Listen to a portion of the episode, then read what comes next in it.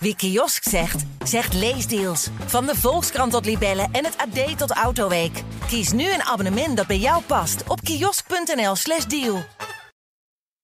Ik zat een beetje te denken en ik kwam er niet helemaal uit qua aanspreken. Ja, Want tot nu toe wordt iedereen in deze reeks getutoyeerd. dat kan.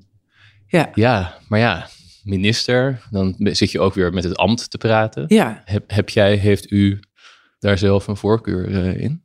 Ehm, nou ja, goed. De, de, voorkeur in ieder geval in, bij hier in huis is gewoon je en Hanke. Oké. Ja, Omdat het eh, ook gewoon prettig samenwerkt met mensen. En eh, ik word ook soms wel eens eh, excellentie genoemd. Daar word ik altijd echt enorm ongemakkelijk van. niet, Wanneer? meer van. niet meer van deze tijd. Vooral als je ergens bij Defensie op bezoek bent. Ah, Eh, en mensen willen het soms ook echt ontzettend netjes doen. Dus dan Ja. hoort, eh, het, ho- hoort het woord excellentie er ook bij. Maar omdat we echt een uur met elkaar in gesprek gaan, we gewoon Jur jij ja, doen? dat is goed. Laten Ja. we dat doen. Ja. ja, en dan hoop ik dat mensen niet boos worden. Ja. Maar iedereen heeft nu kunnen horen, het is helemaal met goed vinden van de, van de excellentie zelf. Ja, precies. Ja. Ja, nou ja, het niet, Bach. Doe je toch? Hallo, fijn dat je luistert naar Stuurloos, waarin we het hebben over hoe wij Nederlanders een beter bestuur kunnen krijgen. Mijn naam is Gustav Bessems en in deze podcast van de Volkskrant ga ik te raden bij mensen die daarover ons denken verder kunnen helpen. Deze keer de minister die gaat over het versterken van de democratische rechtsstaat en het openbaar bestuur. Hanke Bruinslot. Hanke Bruinslot is van CDA en als minister moest ze werken aan een dienstbare overheid. Dat deed ze onder meer met voorstellen om onze voorkeurstem bij verkiezingen meer gewicht te geven en rechters de mogelijkheid te geven om te toetsen aan onze grondwet, tot het kabinet viel. Maar deze minister wil graag nog verder met allerlei plannen. Dat bespreek ik met haar en hoe we nu eindelijk gaan voorkomen dat praktijkmensen onwerkbare Haagse regels over zich krijgen uitgestort.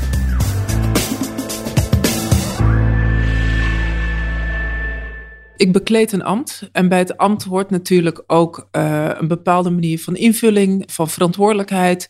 Het is ook echt anders als ik als minister ergens binnenkom of als ik gewoon als Hanke binnenkom. Ja, Eh, tegelijkertijd eh, eh, ben ik gewoon uit het bouwjaar 77 ja, eh, en eh, in deze tijd opgegroeid. ja we zijn even oud. Ja, en excellentie, dat schept meer afstand dan. Ja, op zich ken je is. natuurlijk die defensiecultuur wel heel goed, waarin die eerbied voor gezag en de, de chain of command, zullen we maar zeggen, natuurlijk heel belangrijk is. Dus het, eh, Dat is natuurlijk aan de ene kant wel. Aan de andere kant is het ook wel echt Nederland hoor, dat Nederlandse leger. Ik eh, ben op uitzending geweest in Afghanistan, in Oeruzkan. En daar werkten we ook met, eh, met de Amerikanen samen. ja, en een heel mooi onderscheid tussen Amerikaanse en Nederlandse soldaten is als de chain of command de leidinggevende uitvalt. Een Nederlandse militair weet dan gewoon, soldaat weet precies wat hij moet doen. En een Amerikaanse soldaat eh, wordt het een stuk ingewikkelder. die is een beetje omdat- ontredderd. nou ja, omdat eh, juist in Nederland natuurlijk heel, heel vaak gewoon het gebruik is dat je mensen hun eigen verantwoordelijkheid geeft. Ja, Zij zijn deskundig op hun gebied. Eh, ook een, een soldaat die bijvoorbeeld verantwoordelijk is voor het afschieten van panzerhouwitser granaten.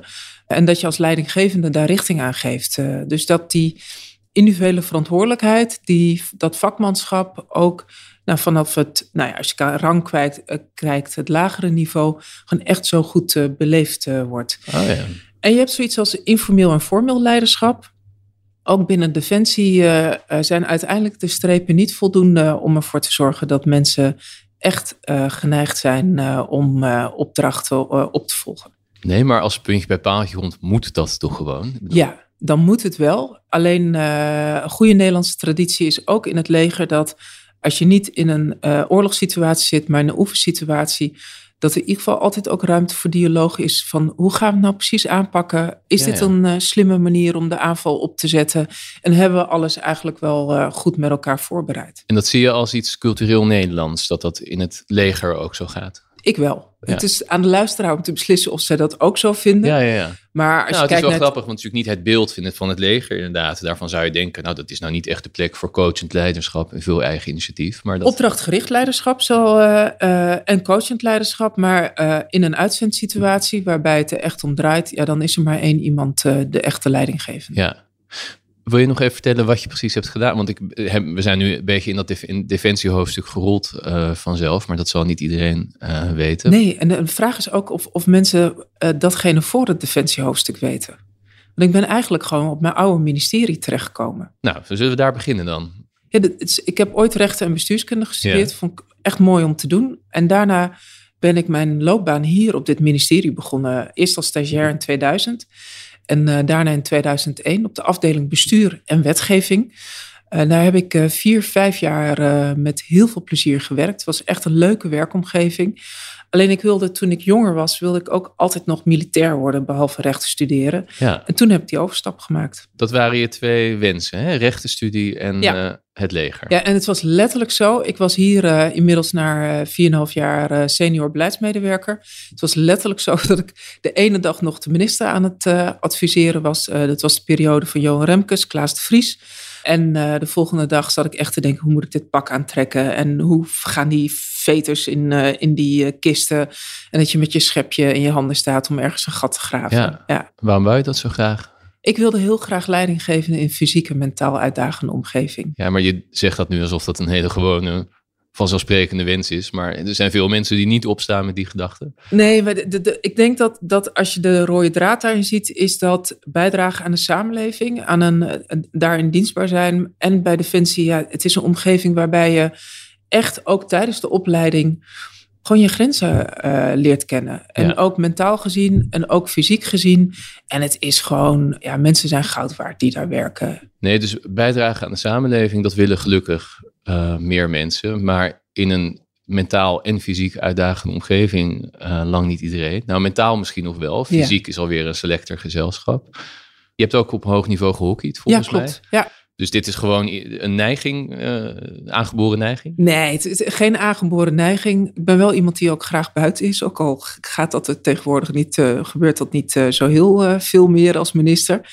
Maar ik, ik vond het wel mooi om op die manier ook weer een bijdrage te mogen leveren. En als je kijkt naar het werk van Defensie, het gaat om veilig houden van de samenleving in Nederland, maar ook daarbuiten. Het gaat om uh, werken in omstandigheden die je nergens anders uh, tegenkomt. Dat vind ik en uh, vond ik gewoon echt mooi om een bijdrage aan te leveren. Ja. En vertel nog even wat je toen precies bent gaan doen. Ik ben artillerie gaan doen. omdat ik me ook realiseerde dat ik, ik vond het mooi om iets groens te doen. En dus om iets te doen wat ik niet in het normale leven zou kunnen. Dus je kan ook uh, militair worden en bijvoorbeeld actief zijn in logistiek. Ja. Of bij de juridische dienst, wat in mijn geval ook best wel als jurist logisch vrij logisch was geweest. Was geweest. Ja. Of bijvoorbeeld in de militaire administratie. Alleen ik wilde echt een volledige militaire groene opleiding doen. Uh, en daarbij ook uh, ja, een groene functie doen. Nou, infanterie, ik dacht met al die grote stevige kerels dan in het voorterrein gaan rennen, mm, net iets minder. Had wel gekund. Alleen de artillerie vond ik mooi. Want dat is en een hoogwaardig uh, materieel. Ja, tegenwoordig hoef ik aan niemand meer uit te leggen wat een panzerhouwitser is. Nee, helaas. Nee, dat, is, uh, dat, dat heb ik lang wel moeten doen, maar sinds de oorlog in Oekraïne niet meer. En de artillerie ondersteunt eigenlijk de gevechtseenheden over langere afstanden. Dus je bent aan de ene kant is het heel hoogwaardig technisch materieel waar je mee werkt. Je bent heel wezenlijk voor wat er op het gevechtsveld gebeurt. En het is ook echt een uh, militair groene functie. Ja, en je bent naar Afghanistan uitgezonden ja. geweest? Ja. ja, ja zeker. Ja. Wanneer was dat? Dat was in 2008. Augustus uh, tot en met twee, uh, december 2008. Een um, hele goede, waardevolle periode. Dat heb ik gedaan als pelotonscommandant panzerhouwitser. En dan geef je leiding aan mensen die de panzerhouwitser afschieten. En ik was daar ook vuurleider. Dus ik was ook degene die het contact onderhield met de eenheden buiten op het moment dat er uh, uh, geschoten moest worden. Ja, en wat was zo waardevol aan die periode dan? Uh, omdat je zag dat we daar ook echt, ook in dat kleine gebied van Oeriskan, het verschil konden maken. Omdat we daar waren, konden andere mensen bouwen aan meer veiligheid. En dat is soms letterlijk het aanleggen van asfalt. Want dan is het moeilijker om ervoor te zorgen uh, dat daar bermbommen onder liggen. Dan gaat het om het aanleggen van elektriciteit toen de tijd in een dorp als daar en koud. Zodat het lastiger is Ja. voor de Taliban en andere eenheden om s'nachts toch weer de, de dorpen in uh, te trekken. En bijvoorbeeld ook om voor het eerst scholen te bouwen waar meisjes uh, onderwijs kregen. Ja, dus het moet extra pijnlijk zijn om te zien in welke staat Afghanistan nu is uh, en de meisjes naar. Ja, tegelijkertijd ben ik er nog steeds van overtuigd dat we echt een wezenlijke bijdrage hebben kunnen leveren. En diep in mijn hart uh, hoop ik ook dat bij die generatie die die periode heeft meegemaakt, dat er toch iets is blijven zitten van het kan anders in dit land. En dat hoop ik ook echt dat we daar, dat het land nog een keer een kans krijgt om, nou ja, om toch weer meer aan iedereen gelijke kansen te geven. Ja zijpad, realiseer ik me. Ik ga me zo meteen, zo meteen ga ik mezelf uh, streng corrigeren. Maar omdat je ook die Oekraïne-oorlog noemt nu, kijk je daar ook als oud-militair anders naar dan anderen, denk je? Gewoon naar het nieuws over die oorlog? Nou, dat, dat zou me in een andere positie plaatsen dan, uh, dan andere mensen. En dat is niet zo. Maar wat ik me wel realiseer in Afghanistan ook, toen ik daar was, eigenlijk voor het eerst, weet je, je kan boeken lezen uh, je kan uh, televisieseries kijken of documentaires. Maar dat was voor het eerst dat ik me realiseerde dat uh, veiligheid in een land niet een vanzelfsprekendheid is. Nee. En dat op het moment dat veiligheid verdwijnt, dat meisjes niet naar school kunnen, dat gezondheid geen gegeven is, dat zo'n toekomst van zo'n hele land gewoon kapot gaat. En ook Nederland kan je niet vergelijken met Afghanistan, maar je moet dus heel zuinig zijn op wat je hebt. Ja. En ik had me niet gerealiseerd uh, en ook niet gedacht dat uh, zo snel binnen eigenlijk ons Europese deel van het continent zo'n inval in een ander land zou plaatsvinden, waarbij er weer hele generaties nu aan het opgroeien zijn van jonge kinderen die niks anders dan oorlog kennen. Ja. Ik weet niet of, of er ook 80 en 90-jarigen zijn die deze podcast luisteren. Nou, die hebben minstens één. Minstens één. Ja, die hebben de Tweede Wereldoorlog ja. nog meegemaakt. Dus die weten wat het is om ja. in een land in oorlog op te groeien. En dat, dat is er niet met een paar jaar uit. Nee. Ik merk dat ook bij jongeren die ik spreek. Daar krijg je veiligheidsgevoel wel een knauw van. Ja, nou ja, ik, ook al is het natuurlijk een heel andere situatie waar je zelf in hebt gezeten. Je weet wel hoe het is om risico te lopen of in een risicovol ja. gebied te zijn. Dat is ja. natuurlijk iets wat heel veel Nederlanders, gelukkig, moet je daarbij zeggen, niet weten. Ja, ja en daarom vind ik het ook uh, fijn dat er heel veel veteranen zijn, bijvoorbeeld, die in de klas bij kinderen ook deze verhalen vertellen. Zodat kinderen ook een idee krijgen van wat is het nou dat je niet vrij kan rondlopen. En mensen ook in zo'n uh, zo'n land, dat je niet zomaar naar school kan gaan. En ik wil toch ook nog wel een kort verhaal vertellen. Ik, toen ik ook in Afghanistan Oeruzkan zat, hadden wij daar een klein uh, hospitaaltje. Dat heette militaire termen een rol 2. En de verpleegkundige vertelde mij een keer dat zij aan een van de Afghaanse vaders via een tolk had gevraagd van hoe kan het nou uh, dat we eigenlijk alleen maar jongetjes hier uh, vaak krijgen die, uh, die we nou gebroken benen hebben of die iets anders mankeren? En toen was het antwoord van die vader, hè, dus laten we niet generaliseren, mm. maar die van die vader, maar voor meisjes gaan we niet zo ver lopen. Ja. Dus laten we dankbaar zijn dat we in een land als Nederland wonen, maar het is geen vanzelfsprekendheid. Nee. Dus wij zijn een democratische rechtsstaat met heel veel vrijheden. Hoe veilig is die, zeg maar, als je een soort status zou moeten geven van, uh, van hoe die eraan toe is? Hoe bedreigd, hoe veilig, hoe zeker is Ja, die? we hebben, vind ik, nog steeds een sterke democratische rechtsstaat. Uh, ik vind een van de beste voorbeelden om dat te zien is bijvoorbeeld bij de afgelopen provinciale statenverkiezingen ook enorme opkomst. Mensen uh, willen verandering zien en brengen hun stem dus nog steeds uit. En dat is uh, de beste manier in een democratische rechtsstaat om zaken te veranderen, is, is je stem uitbrengen.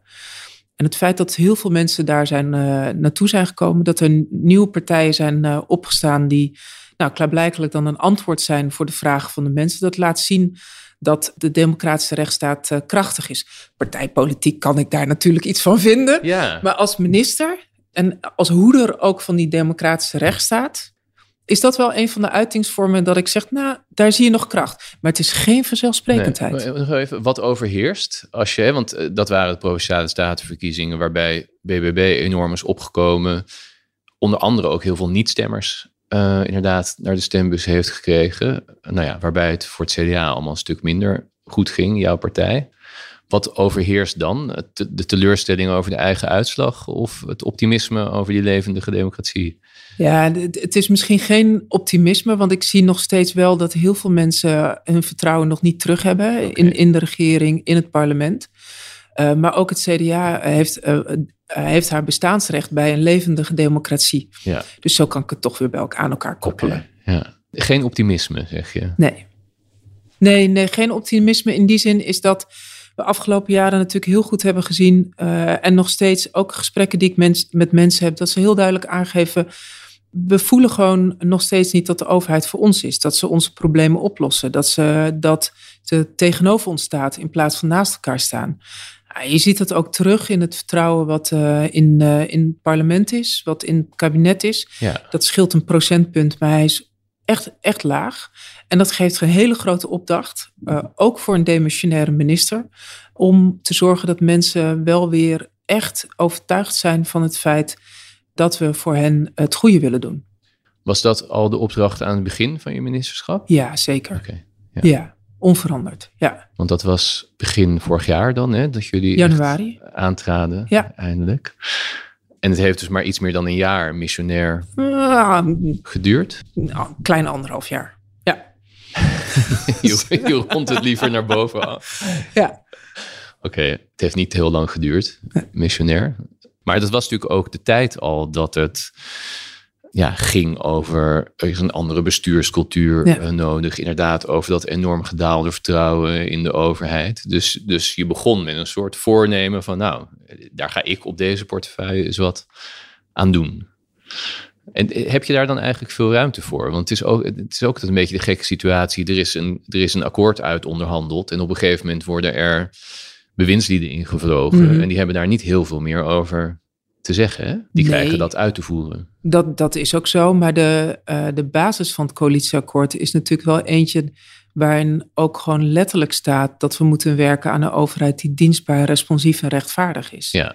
En voor mij start dat uh, met het invullen van een ministerschap waarbij je ook niet meer belooft dan je waar kan maken. Oké, dat was het eerste wat je daarbij.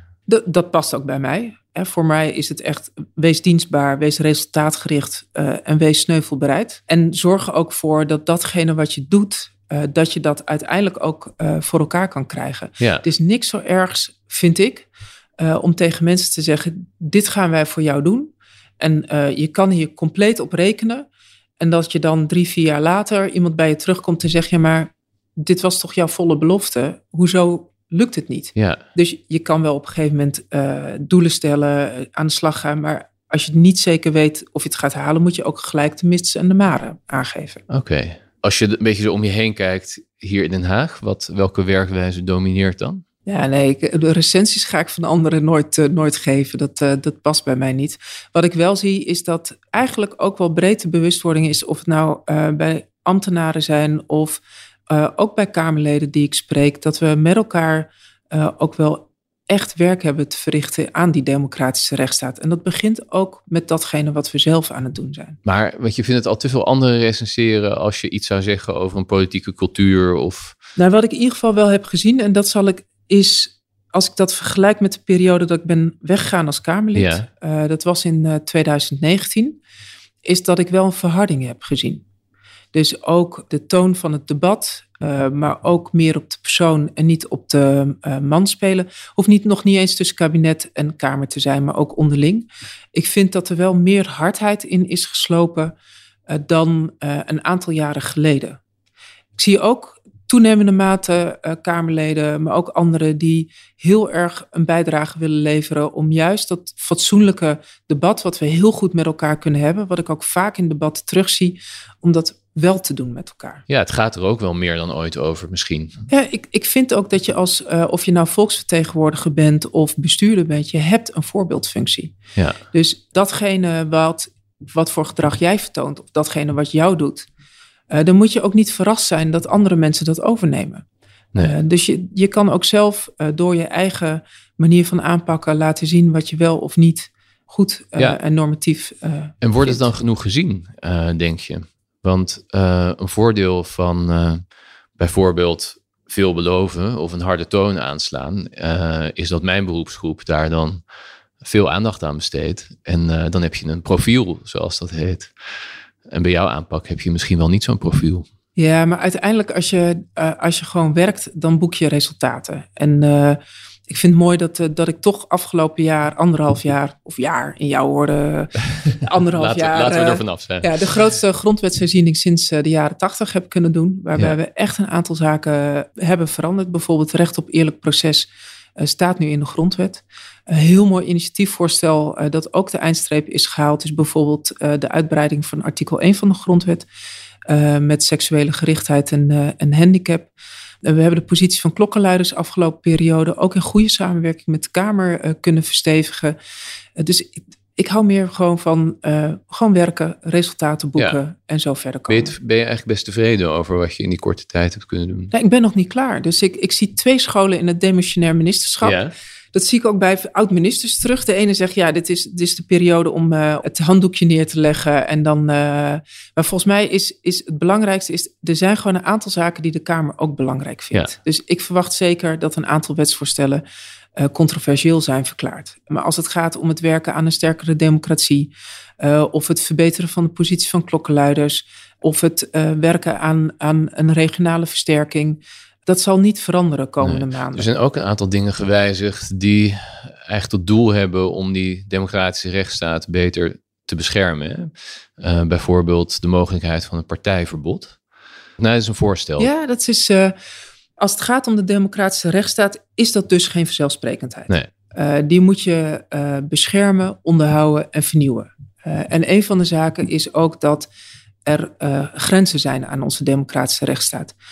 Ik kan direct antwoord op, geven op je vraag, uh, Gustav. Of ik kan nog net een kleine aanloop nemen. Maar ik laat het even aan jou wat je het, be- wat je het beste vindt. Nou, doe maar direct. Direct. Dan, uh, dan kijk ik of de aanloop ergens anders kwijt Ja. kan. Er is op dit moment al een uh, partijverbod in het burgerlijk wetboek. Dus uh, artikel 22 uh, BW. Maar dat geldt voor alle verenigingen. Of Ja, in ieder dat geval is, verbod op eh, verenigingen. Dat is eh, gevaar voor de openbare orde en ja, veiligheid. Dus dat geldt voor de voetbalvereniging. En dat is eh, bijna nooit toe te passen op een partij. Dat is volgens mij één keer met een extreemrechtspartij in. Rotterdam gebeurd. Ja, met CP86 is dat toen gebeurd. Dat is natuurlijk heel vreemd. Een voetbalvereniging is niet hetzelfde als een politieke partij. Dus je hebt ook extra zorgvuldigheidseisen nodig om een partijverbod uh, voor elkaar te krijgen. Dat kan je niet zomaar in het burgerlijk wetboek doen. Dat heeft de staatscommissie ook aangegeven. Daar ben ik mee aan de slag gegaan. Belangrijk vind ik om te zeggen, het is echt het uiterste redmiddel. Ik hoop dat uh, in de toekomst, als het er doorheen komt en als een volgend kabinet ermee doorgaat, dat er eigenlijk nooit gebruik van wordt, moet worden gemaakt. Nee. Zou het beste zijn. Ja, uiteraard. Maar het is wel belangrijk dat het er is. Ja, omdat uh, grenzen aan de democratische rechtsstaat ook belangrijk zijn. Waarbij, kijk, heel veel van ons staatsrecht, een deel is, ligt vast. Uh, in de grondwet, op andere plekken. En een deel zijn ongeschreven conventies. Eigenlijk afspraken die we met elkaar hebben.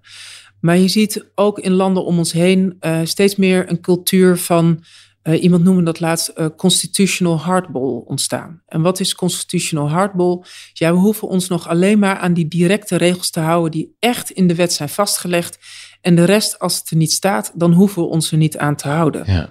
En heel veel van de zaken waar we in Nederland met elkaar op handelen, als het gaat om uh, integriteitsnormen, waarden en dergelijke, staat helemaal niet in de wet.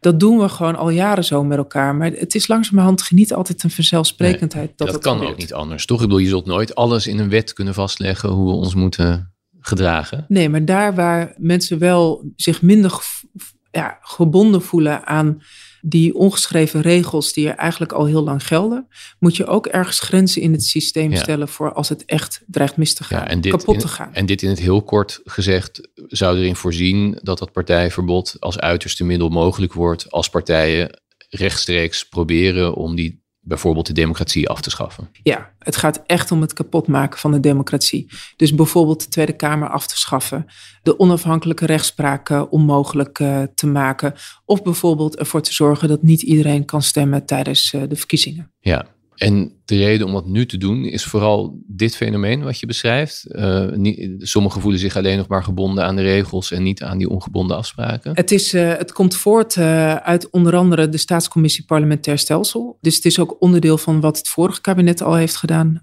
De Kamer onder leiding van Pieter Heerma heeft in het verleden hier ook over een motie aangenomen. Maar ik vind de afgelopen jaren, als ik kijk naar de democratic backsliding in Hongarije, in Polen, als het gaat om de onafhankelijke rechterlijke macht, in de, de bestorming van het kapitool in de Verenigde Staten, de inval in uh, Oekraïne. Dit soort gebeurtenissen laten zien dat onze democratie en democratische rechtsstaat geen vanzelfsprekendheid is. En je kan je maar beter voorbereiden, heb ik altijd als militair geleerd, voorbereiden uh, ook op dat meest onwaarschijnlijke scenario. Ja. En daar is nu nog tijd voor. En een flink aantal Nederlanders wat in elk geval geen bezwaar in ziet om te stemmen op partijen die weinig op hebben met die rechtsstaat. Met in de eerste plaats Forum, maar in het kiel zocht de PVV. Maar het zou wel heel erg zijn dat ik als minister een wet zou maken om een partij als Forum voor Democratie te verbieden. Uh, dat doe ik dus niet. Uh, en daar is deze wet ook niet voor bedoeld. Nee, dat, dat zou snap niet ik. rechtsstaat Dat snap zijn. ik. De wet moet, moet algemeen zijn. Ja. Maar tegelijkertijd ja, handel je ook niet in een totaal isolement van maatschappelijke ontwikkelingen natuurlijk. Die andere maatschappelijke ontwikkeling die je beschrijft, waarbij mensen zich minder aan de regels gebonden voelen, uh, hè, die noem je ook relevant. Dus ik snap wel dat je elke schijn moet vermijden dat dit een wet is om een specifieke partij te verbieden. Maar het is wel ook aan de hand. Of als je het los wil koppelen van partijen, hè, dan, dan verschijnen er nu verhalen over ongeveer 10.000 mensen die zichzelf soeverein verklaren. Uh, en zeggen: Ik maak eigenlijk. Ja, letterlijker kun je je niet afkeren van de rechtsorde eigenlijk. Ja, het is echt niet bedoeld om huidige politieke partijen te verbieden. Nee, en dat, maar zijn dit wel tendensen die laten zien dat wij ook niet immuun zijn voor zaken zoals je die beschrijft in Polen of in de Verenigde Staten? Nou, je ziet in de ontwikkeling van het anti-institutioneel extremisme, want, want daar heb je het uh, inderdaad over. Als je het, uh, en, dat, en dat gaat om mensen die echt de, de volle overtuiging hebben uh, dat Nederland, de journalisten, de wetenschappers, de rechters en ook de bestuurders, de overtuiging hebben dat die tot doel hebben om de Nederlandse bevolking te onderdrukken, tot slaaf te maken en te vermoorden. Ja.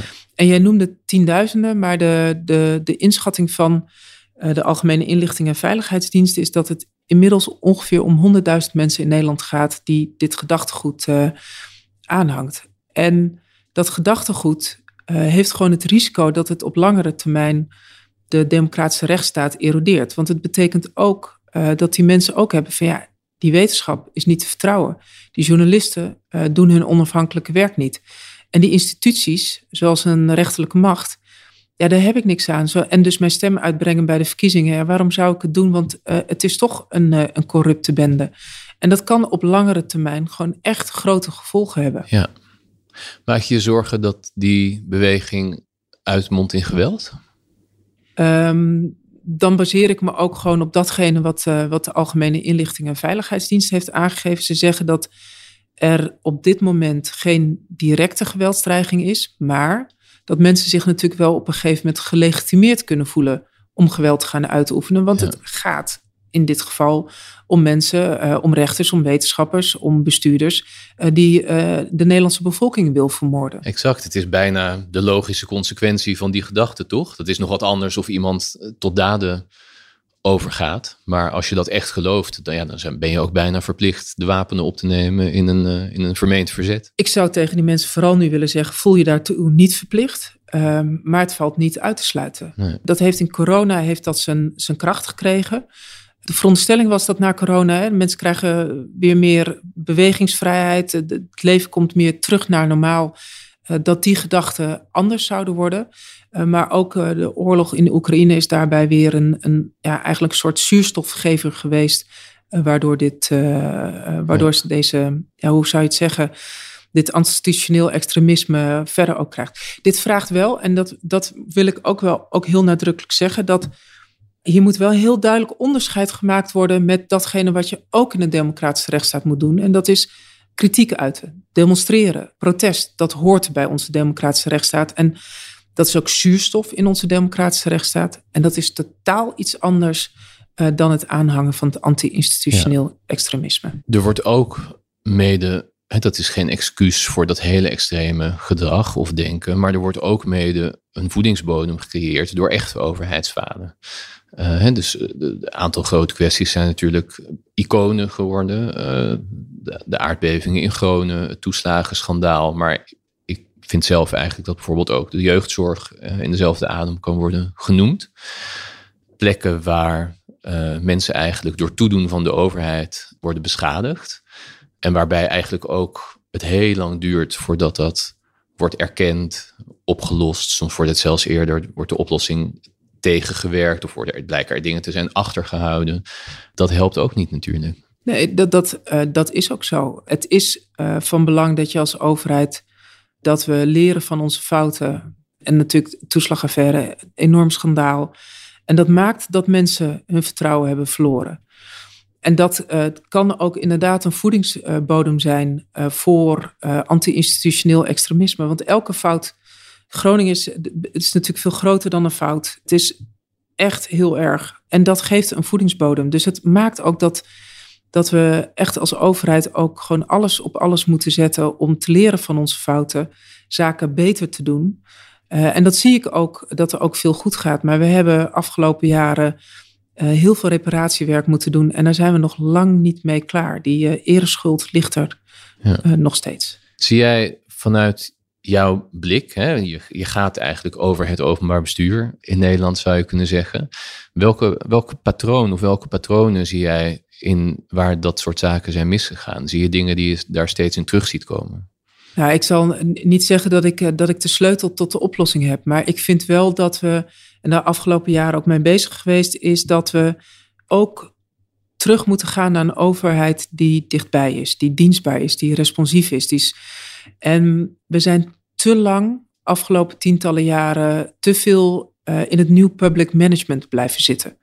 In het nieuw public management waarbij efficiëntie, doelmatigheid eigenlijk het leidend thema is geweest voor het inrichten van de overheid. En efficiëntie en doelmatigheid is belangrijk. Het zal niet iedereen iets zeggen, maar dit is een uh, manier van denken over hoe je het openbaar bestuur inricht, die denk ik vanaf de jaren tachtig is opgekomen. Paars, denk ik ongeveer. Ja, ja. jaren negentig tot volle bloei uh, ja. is gekomen.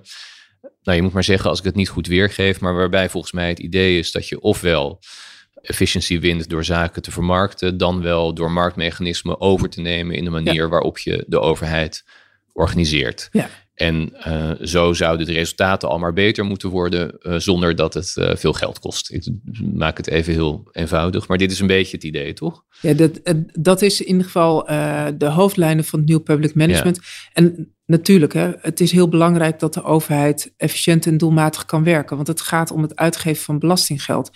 Maar uiteindelijk is de overheid ook een, een weerspiegeling van publieke waarden. Het is zo belangrijk dat je als overheid en de mensen die er werken de ruimte krijgen om echt het algemeen belang te dienen in dienst van de samenleving. En daarvoor moet je zaken als dienstbaarheid, als rechtvaardigheid ook meer weer voorop stellen. En dat vraagt om een andere inrichting uh, van de overheid en om een mammoetanker die uh, van koers moet gaan veranderen. Ja, kan je daar een concreet voorbeeld van geven? Ik bedoel, je, je bent hier de baas van een heleboel ambtenaren. Uh, wat is nou iets wat bijvoorbeeld volgens de oude school op de ene manier zou gebeuren. En als je het meer op publieke waarde baseert op een andere manier. Wat, wat, moet, wat moet een luisteraar zich daarbij voorstellen? Laat ik ook zeggen dat er ontzettend veel goed gaat. Hè? Want uh, de werken, of nou bij het CBR is, de UVW uh, of op andere plekken. Uh, mensen werken elke dag onwijs hard om ervoor te zorgen dat ze andere mensen kunnen ondersteunen.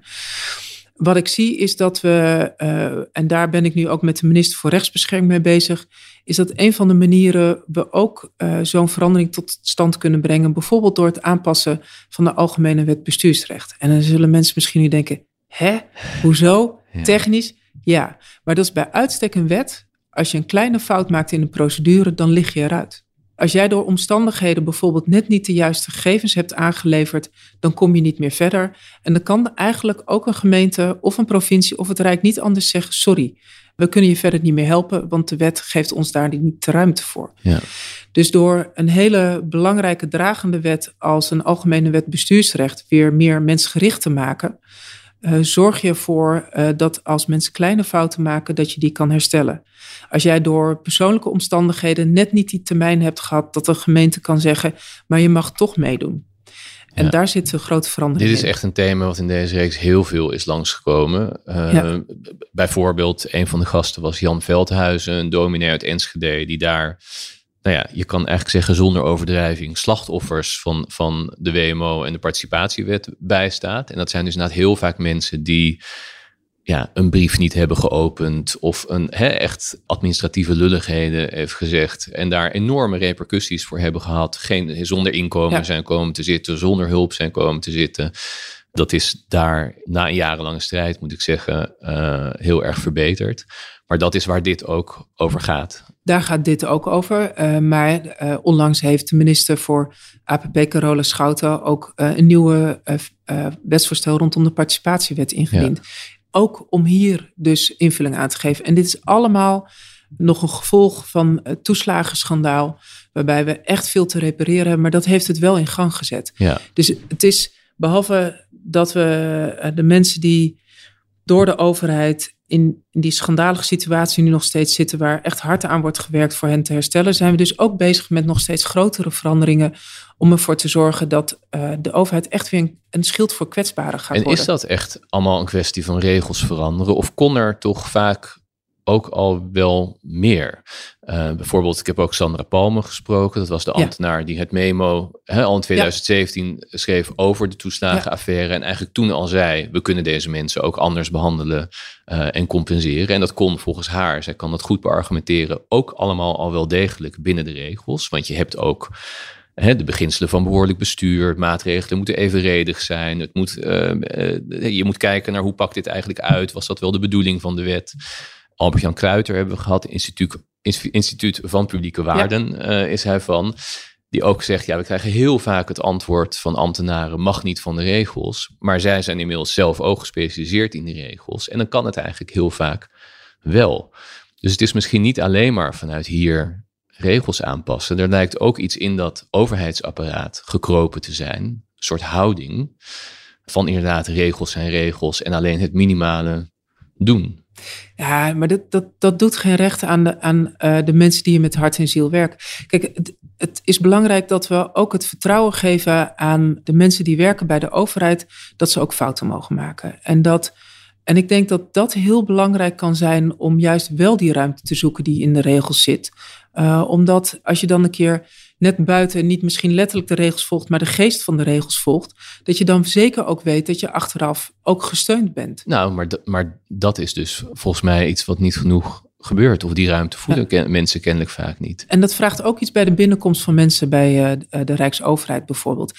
En het zijn kleine, het zijn eigenlijk kleine dingen, maar ze, ze zijn ook van belang. Een van de zaken die ik heb gedaan, is het veranderen van de ambtseed. Dus iedereen die hier nog binnenkomt, uh, die uh, komt als nieuw ambtenaar, legt de ambtseeds af. En dat ding was onbegrijpelijk, was 25 jaar oud. En was niet goed, vind ik, een weerspiegeling van datgene waarvoor je hier komt werken. Je komt hier werken voor het algemeen belang. In dienst van de samenleving, waarbij je een open houding moet hebben. Uh, en dat staat er nu in. En dat betekent dat ook als mensen hier het eerste gesprek hebben met de leidinggevende die de ambtseed afnemen, dat het daarover gaat. Ja, nou ja, dat, ik kan me heel goed voorstellen dat dat ook een heel goed soort signaalfunctie heeft, hè, waarmee je zegt, dit is wat we er belangrijk aan vinden.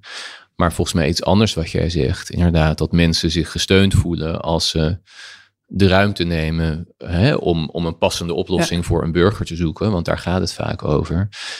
Nou, kijk, jij zegt, doet, als ik dat zeg dat het daar aan ontbreekt, doet het geen recht aan, aan al die mensen die hard en welwillend werken. Uh, ik zou zelf eigenlijk denken, juist van wel. Deze podcast wordt ook best wel veel beluisterd door die mensen. En ik kom nu ook op veel plekken, uh, ja, om het soort effect van deze podcast om met mensen erover te praten. En eigenlijk komt dit best vaak terug. Uh, juist van mensen die in de praktijk werken, bij uitvoeringsorganisaties of uh, wat lagere ambtenaren uh, op een departement. Die zeggen, ja, ik zou, ik, soms denk ik, dit wil ik wel doen en dit kan ook wel. Ik kan aan dit verzoek voldoen.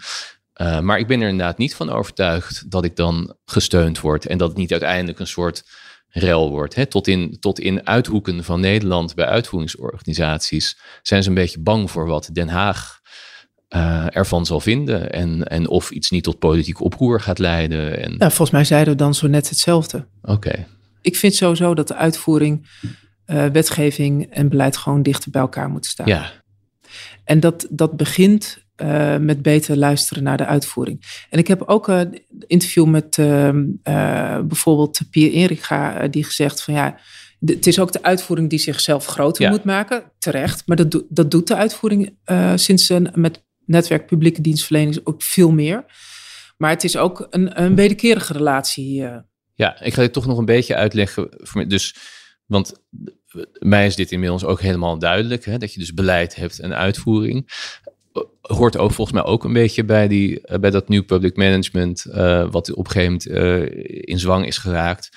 Dat het idee was dat als je de praktijk eigenlijk op enige afstand belegt van bijvoorbeeld het ministerie wat het beleid maakt, dat dat ook efficiënter zou zijn. Die zouden juist minder last hebben van al die papierschuivers, hè, even gechargeerd gezegd, mhm. en dit en dat. Uh, nou, en de, praktijk is eigenlijk, pakt heel anders uit en ook helemaal niet zo efficiënt uh, als uh, gedroomd was. Want nu wordt er vaak beleid bedacht waarvan niet goed is nagegaan of dat eigenlijk wel genoeg met die praktijk te maken heeft. En daar zitten die mensen in de praktijk mhm. dan mee. Dat is ook waar jij op doelt, van dat moet dichter bij elkaar komen. Ja, en, en maar dat doe je ook door echt ook wetgevingsprocessen met uitvoering te beginnen. Ja. En misschien kan ik het iets wat inkleuren met een, uh, een, uh, een militaire ervaring. Nou, heel graag. Is dat ik, ik werkte hier natuurlijk eerst bij bestuur en wetgeving. Dus ik, ik ben eerst hier als, heb ook best veel wetgeving voor de Tweede Kamer gedaan als, als beleidsmedewerker. En daarna ben ik naar Defensie gegaan.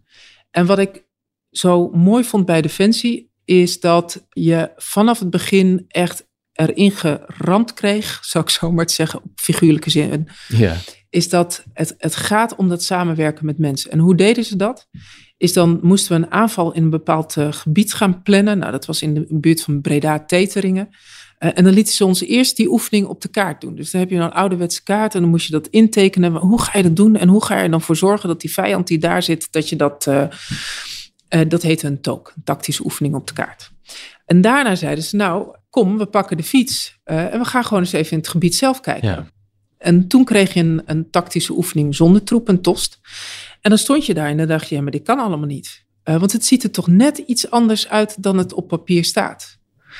En daarna kreeg je de TOMT, de tactische oefening met troepen. Ja. En ging je met mensen zelf aan de slag. Ja. Die daar in het gebied ook gewoon alles kenden. En dan kreeg je pas de echte antwoorden. Ja. En zo gaat het ook voor de uitvoering. De les was dat je daarmee had moeten beginnen, neem ik aan. Ja, Je, je moet echt beginnen met de mensen die in het veld verstand hebben van wat er gebeurt. Maar dat gebeurt niet. Dus het gaat nu heel veel. Hè, overal ook eh, als je ergens komt en het hebt over het belang van de uitvoering, dan begint iedereen plechtig te knikken. Ja, nee, dat is echt heel uh, belangrijk. Toetsen op haalbaarheid en uitvoerbaarheid en dat soort dingen. Uh, maar daar wordt toch ook nu nog steeds. Men vindt het al heel wat als er inderdaad getoetst wordt. Dus er is al mhm. wat bedacht, er is al beleid ontwikkeld. Nou, het is al bijna ingevoerd of zelfs al ingevoerd. En dan wordt er nog gekeken bij de mensen die het moeten doen. Ja, kunnen jullie hier eigenlijk iets mee?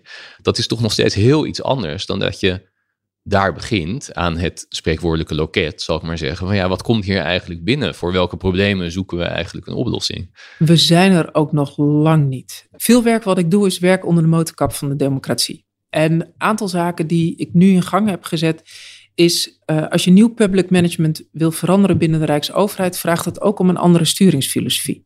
Ja. Dus daar ben ik mee bezig. Wat is de andere sturingsfilosofie? Een sturingsfilosofie is eigenlijk uh, hoe je ministeries aanstuurt ja. en hoe je ervoor zorgt dat publieke waarden zoals rechtvaardigheid en responsiviteit uh, ook daadwerkelijk zijn invulling krijgen in de organisatie van zo'n ministerie. Ja. Daarnaast uh, hebben we natuurlijk een heleboel wet en regelgeving als het gaat om zelfstandige organisaties. En jij legde zo net heel duidelijk en helder uit uh, dat veel organisaties op afstand zijn gezet vanuit die gedachte, dan is het efficiënter en doelmatiger. Dus als je die, uh, dat gedachtegoed, waarbij efficiëntie en doelmatigheid niet verdwijnt, maar dat andere gedachtegoed weer een sterkere rol wil geven van publieke waarde, dan moet dat er ook toe leiden dat die, ook die regelgeving voor die organisaties een andere invulling krijgt. Het derde wat uh, ook belangrijk is, bijvoorbeeld uh, rondom het gemeentelijk beleid wat we nu maken, is een, ook een uitvoerbaarheidstoets. Decentrale overheden hebben we ja. neergelegd, waarbij uh, beleid aan de voorkant meer getoetst gaat worden. Dit zijn trajecten, ja, iets meer dan een jaar, zei je. Ja. Dit gaat tijd kosten. Ja. Is het toch niet heel logisch om die maffe scheiding tussen beleid en uitvoering gewoon op te heffen? Hoe slaat die eigenlijk ergens op? Uh, ja, de, ja daar, daar zit wel gewoon. dat daar verschil tussen is. Daar zit, je kan niet zeggen beleid is uitvoering en uitvoering is beleid. Ja, maar je ja, kan, misschien kan je dat wel zeggen. ja, maar- ja, behalve dat je, dan zou je, nou goed, gedachte-exercitie. Ja, Dan als je, uitvoering draait er ook om dat je goed kan inspelen op specifieke pra- praktijksituaties. En het is van belang dat je daar ruimte voor hebt.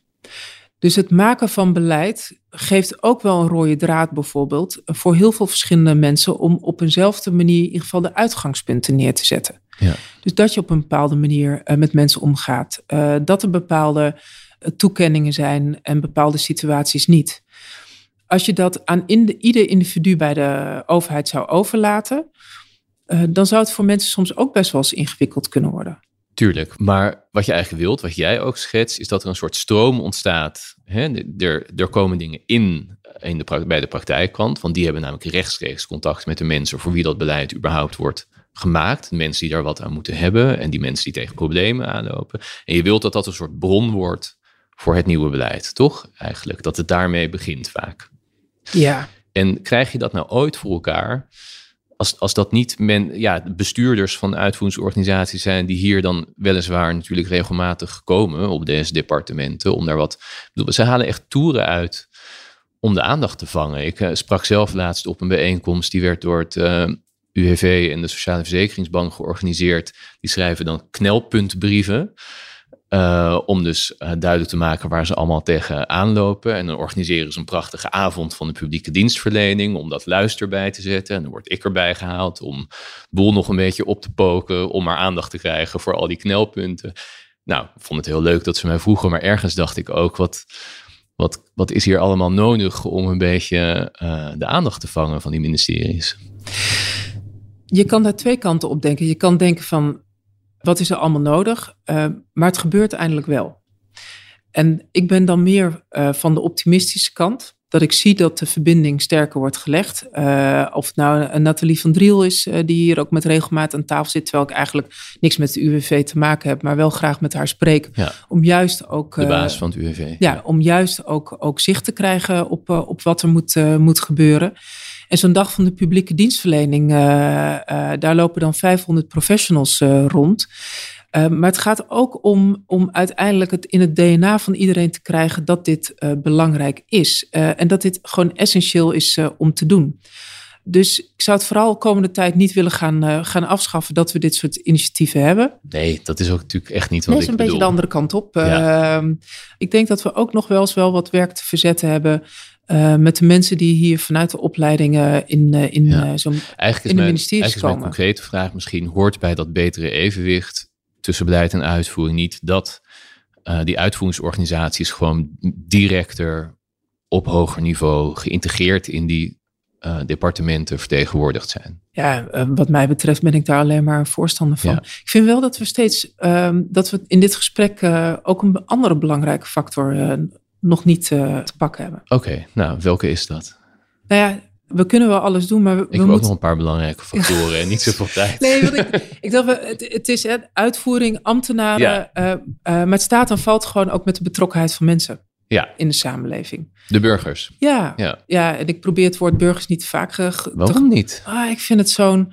Als het echt een juridisch begrip bur- burger is, maar we hebben inwoners, we hebben mensen die actief zijn, we hebben vrijwilligers. Oké. Je, je- het wordt zo'n. Zo'n Ja, ik vind het juist een fantastisch woord, maar laten we omwille van, de, van jouw beperkte maar tijd. waarom vind je het een fantastisch woord? Nee, maar dat, nee, dat kan niet, want jij hebt nog een factor en ik heb nog factoren. En nu moeten we ook nog over eh, het woord burger gaan debatteren. Dat, eh, dat redden we niet. Ja, ik gebruik het wel als het, echt, Inwoners. als het gaat om liever. juridische begrip. Ja, Maar als je op betrokkenheid van mensen zit. oké. omdat burger eigenaarschap over dat bestuur, over dat gezamenlijke eh, project in zich heeft. Oké. Het betekent dat dat van ons allemaal samen is. Die hebt daar Ja. een rol in. Iets wat jij volgens mij net wil gaan betogen. Ja. En, en, en voor jou is daar de verpersoonlijking het, het woord burger van, omdat het daar dat officiële aspect krijgt. Ja, daarmee krijg je ook echt een rol en een taak Ja. eh, toebedeeld. Ja. Een van de dingen die ik bijvoorbeeld zelf heel gek vind, is dat je, al vaak genoemd het voorbeeld, maar dat gemeenten een klantcontactcentrum hebben. Dat vind ik bijvoorbeeld heel gek. En ik hoorde laatst inderdaad van iemand bij een gemeente, die mocht dus geen burger zeggen, die moest inwoner zeggen. En, maar ook daar zat een beetje dat soort van service denken in. Wij bieden een service aan die inwoner. Bij ah, burgers denk ik nee, wij zijn, de overheid is van hen en die burger denkt dat is van mij. Maar goed, de, de belangrijke onbesproken factor. Nee, ik gebruik het eigenlijk allemaal naast elkaar. Uh, maar ik, ik hoop vooral dat mensen en ook jongeren zich aangesproken voelen. Om een actieve rol uh, te vervullen. Dat, dat kunnen we veel beter doen. Maar die, die betrokkenheid, ook als ik op werkbezoek bijvoorbeeld ga op MBO-scholen in uh, bijvoorbeeld in, ehm, in Zeeland of andere plekken, dan zie ik de betrokkenheid van jongeren bij maatschappelijke vraagstukken is gewoon groot. En ja het zou zo goed zijn als we veel eerdere uh, mensen, uh, jongeren kunnen betrekken om ervoor te zorgen dat zij zich ook eigenaar voelen van onze democratie. Ja, zeker. Maar dit eigenlijk raakt dit heel erg aan, aan uh, iets wat ik nog wilde bespreken, namelijk burgers slash inwoners, Nederlanders, mensen die proberen ja. om met hun betrokkenheid aan te kloppen. Ja. Dat valt vaak niet mee. En wat ik, mij ook opvalt is dat het, dat geldt natuurlijk lang niet voor iedereen, maar sinds ik me hiermee bezig hou, heb ik me best wel over verbaasd dat het in principe aanvaardbaar is om te werken aan het maken van beleid, zonder dat je in je werkzame leven eigenlijk een keer rechtstreeks in aanraking komt met iemand die door dat beleid geraakt gaat worden. Hmm. Dus eigenlijk zeg jij ook, als je ergens komt, zie je die betrokkenheid wel. Dus is de kunst ook niet veel meer om daar dan naartoe te gaan, voor open te staan? En dat geldt ook voor mij. Dus uh, de, beste dagen zijn altijd de dagen buiten Den Haag. Uh, waarbij ik of in Friesland, in Groningen ben, uh, op, op, op bezoek ben. In Flevoland, in Almere, in Zeeland of in Heerlen op stap ben. en dan ook ook moet je altijd wel voor zorgen dat je niet alleen de bestuurders spreekt, maar ook de mensen die betrokken zijn bij bepaalde ontwikkelingen. Je hebt hele mooie initiatieven rondom de regio-deals, waarbij je ziet dat uh, onderwijsinstellingen samen met actieve mensen uit de buurt, uh, met de overheid uh, en ondernemers bezig zijn om bijvoorbeeld leerwerkplekken voor jongeren voor elkaar te krijgen. En dat zijn de momenten dat je ziet ook hoeveel veerkracht er in onze samenleving is. En dat de oplossingen echt soms letterlijk in het veld liggen. En dat maakt gewoon verschil uit. Dus het zou eigenlijk niet nodig moeten zijn. Uh, maar een van de dingen waar we nu ook mee bezig zijn, is dat er uh, ook met een aantal gemeenten gekeken wordt of we gezamenlijk met hen problemen kunnen oplossen. Bijvoorbeeld over het verplaatsen van een groot bedrijf, omdat dat ruimte biedt uh, voor andere ontwikkelingen in het dorp waar mensen ook op zitten te wachten. En een van de voorwaarden van, het, van dat traject is ook dat de medewerkers hier vanuit het ministerie meerdere dagen per week gewoon op locatie gaan werken. Ja. Je zou het niet hoeven op te schrijven, maar we hebben het toch gedaan. Om het helpt als je er gewoon bent. Het helpt als mensen je kennen. En uh, ik zie ook ontzettend veel, ook als ik uh, een tijd geleden in, in Brabant was, dat mensen die pakken daar op een gegeven moment een buurt op. Uh, die krijgen de juiste hulp in plaats van tegenwerking. Uh, en je ziet dat, uh, dat een moeder met kinderen, die ze zegt van ja, nu, nu, kunnen mijn kinderen een aantal buitenschoolse activiteiten doen. Uh, hebben ze inmiddels een hobby, want dat kan ik gewoon zelf niet betalen. Uh, en ik heb andere mensen ontmoet, waardoor ik ook uh, in aanraking ben gekomen met een plek waarbij ik nu een baan heb. Ja. Dat zijn de succesverhalen. Maar die kant van Nederland, die is heel sterk nog steeds. en daar hebben we echt heel op in te investeren. En hoe viel dat, dat het werd opgeschreven van dit moet? je moet weer naartoe? Ja, ik heb geen klachten gehoord. Oké. Ja, nee, want mensen vinden het ook eng, lijkt het soms wel. Ja, maar ook wel. Om, om erop uit te moeten en de rechtstreekse, rechtstreekse contacten aan te gaan. Misschien is dat het begin, maar de, daarna is het alleen maar goed. En ik vind ook, we hebben ook bijvoorbeeld nu voorbeelden van medewerkers die bijvoorbeeld bij uh, een provincie werken, maar ook hier bij dit ministerie werken. Dus die hebben eigenlijk twee werkgevers. Oh ja. uh, en dat helpt ook. Maar uiteindelijk die, die betrokkenheid van burgers, dat betekent gebruik nu toch burgers. Gewonnen. Ja, uh, en uh, onder andere zit het ook in een wetsvoorstel wat ik nu in de Tweede Kamer ligt, waarvan ik hoop dat de Kamer hem niet controversieel maakt. en dat is dat de gemeente een participatieverordening ook moeten gaan opstellen, waarbij ze En niet alleen inspraak, dus mensen mogen een keertje mee inpraten wat ze vinden, maar echt daadwerkelijk actieve betrokkenheid. En er zit nog een tweede onderdeel in dat wetsvoorstel en dat is het uitdaagrecht. Er zijn ook een heleboel mensen die graag uh, bijvoorbeeld het actief beheren van het park willen overnemen. Of bijvoorbeeld toch op een gegeven moment zeggen wij willen dat zwembad uh, gaan doen. Uh, en dat ze ook de kans en de mogelijkheid krijgen om dat te doen. En ook goede ondersteuning ja, vanuit de want daar lees je ook schrijnende verhalen over. Hè? Corporaties die rondschouwen met goede initiatieven. En eigenlijk nergens worden begrepen als ze iets zelf willen. Je hoort, je hoort ja. verhalen waar het niet goed gaat. En ik ja. hoor ook in toenemende mate gewoon verhalen waar het ook goed gaat. Ja. Uh, het is ook, en ik hoop dat dat uitdaagrecht, dat er echt een. Want wat, waarom heet dat uitdaagrecht? Ja, het komt van het Engels, right to challenge. Oké, okay, maar dat is eigenlijk dat je zegt, wij kunnen dat anders. overnemen, beter, ja. anders. Ja. ja, voorbeeld is bijvoorbeeld in Bodegraven, Reewijk, hele actieve club uh, aan mensen die uh, het zwembad daar uh, op poten wilden houden. Nou, die, die hebben dat zelf uh, opgepakt, uh, ja. krijgen daar ook goede ondersteuning van de gemeente bij. Ja. Betekent namelijk niet dat de gemeente moet terugstappen, maar dat op een andere manier uh, moet doen. Ja, moet ondersteunen. Ja, ja. En, en we zelf hebben Robjet, want zelf moet je natuurlijk als Rijk ook laten zien dat je zaken anders kan pakken. Hebben Robjette en ik nu ook het voorstel voor een burgerforum naar de Kamer gestuurd. Waar we ook hopen dat de Kamer het niet controversieel verklaart. maar um, ik zeg het er maar af en toe tussendoor. Ja, ja, nee. ja uh, en dat gaat om een klimaatvraagstuk. Dat 150 mensen bij elkaar ja. daar echt met elkaar ja, over gaan interessant spreken. experiment. Ja. ja, dus je wil eigenlijk nog van alles in deze demissionaire periode. Mm -hmm. Maar daarna stop je, begreep ik. Ik ben, uh, nou, ik word, mensen hebben gevraagd, word je lijsttrekker? Nee. Um, uh, ga je solliciteren als uh, kandidaat Kamerlid? Ook niet. Nee. dus ik ga me op een andere manier weer inzetten voor de samenleving. Ja, zo'n hele, hele rare reden gaf je erbij, vond ik. Tenminste, als dat... Wa waarvoor gaf ik een rare reden? Dat je niet meer als Kamerlid ging solliciteren. Van, jij, jij was meer een verdediger en geen spits? Nee, nee, nee, maar Kamerlid ben ik met, met heel veel uh, genoegen negen jaar geweest. Maar dat was inderdaad de vraag uh, naar uh, het, het zijn van politiek leider. Oh, het ging alleen over het lijsttrekkerschap. Ja, en daarvan heb ik inderdaad aangegeven dat ik meer een keeper ben dan een spits. Ja, en waarom wil je niet weer de Kamer in?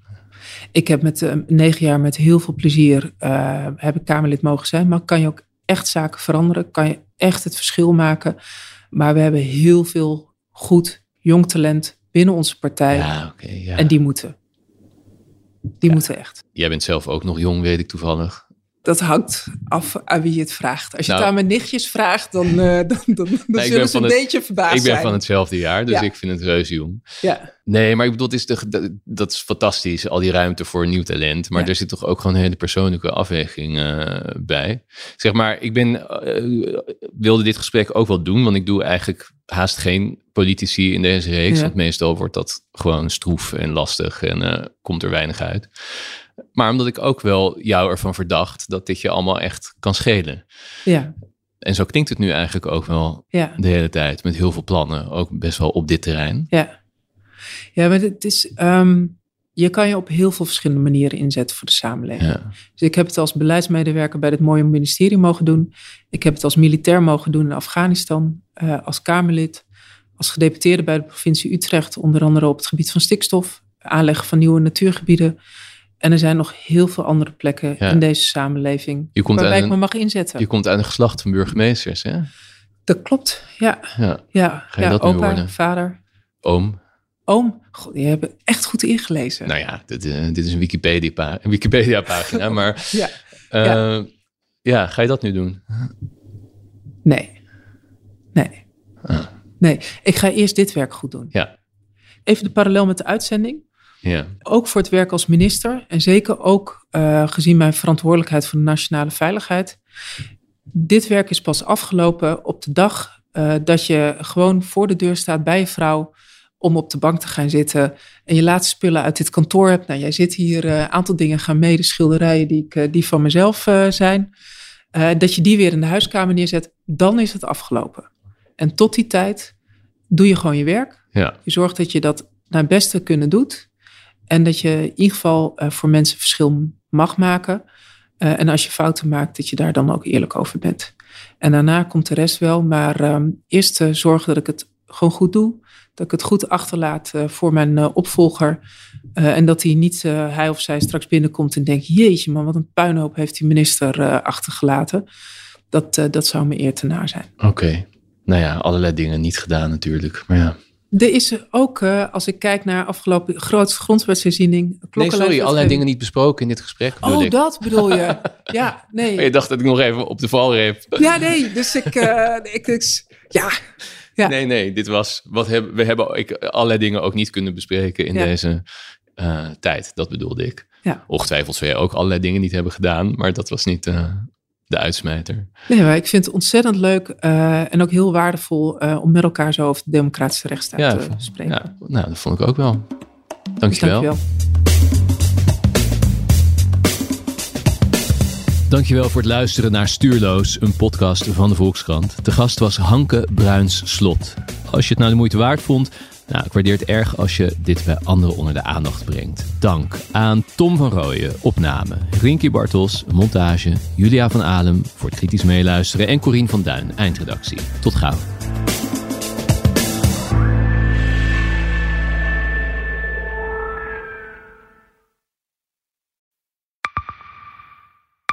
Zijn leven is overhoop gegooid. Plus dat heel veel mensen hem niet geloven vrienden niet die, die denken, ja, hij is gewoon gek geworden. Hoe naar moet dat zijn? Als je vertelt over de meest indringende ervaring uit jouw leven en niemand gelooft dat je het echt hebt meegemaakt. Ja, ik vind zelf niet dat ik het verzonnen heb, maar sommige mensen denken dat wel. Maar hoe kom je erachter of jij je doelwit bent van een geheime dienst? Ik heb ook wel eens meegemaakt dat je het idee hebt dat inlichtingendiensten in je geïnteresseerd zijn. En dan kun je wel heel veel zien, wat er misschien helemaal niet is. Als ik s'avonds nog iets ging eten, dan volgden die mensen mij naar het restaurant. En dan terug van het restaurant naar het hotel.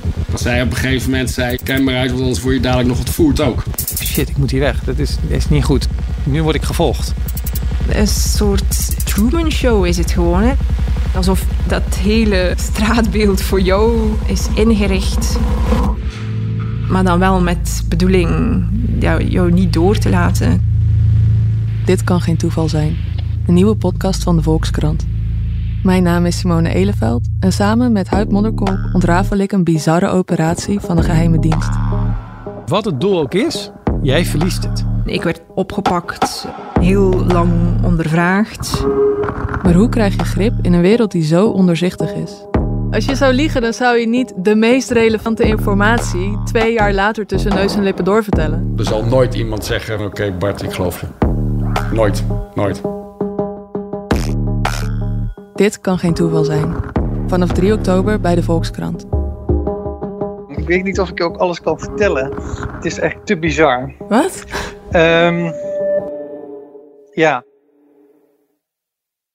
Wie kiosk zegt, zegt leesdeals. Van de Volkskrant tot Libellen en het AD tot Autoweek. Kies nu een abonnement dat bij jou past op kiosk.nl/slash deal.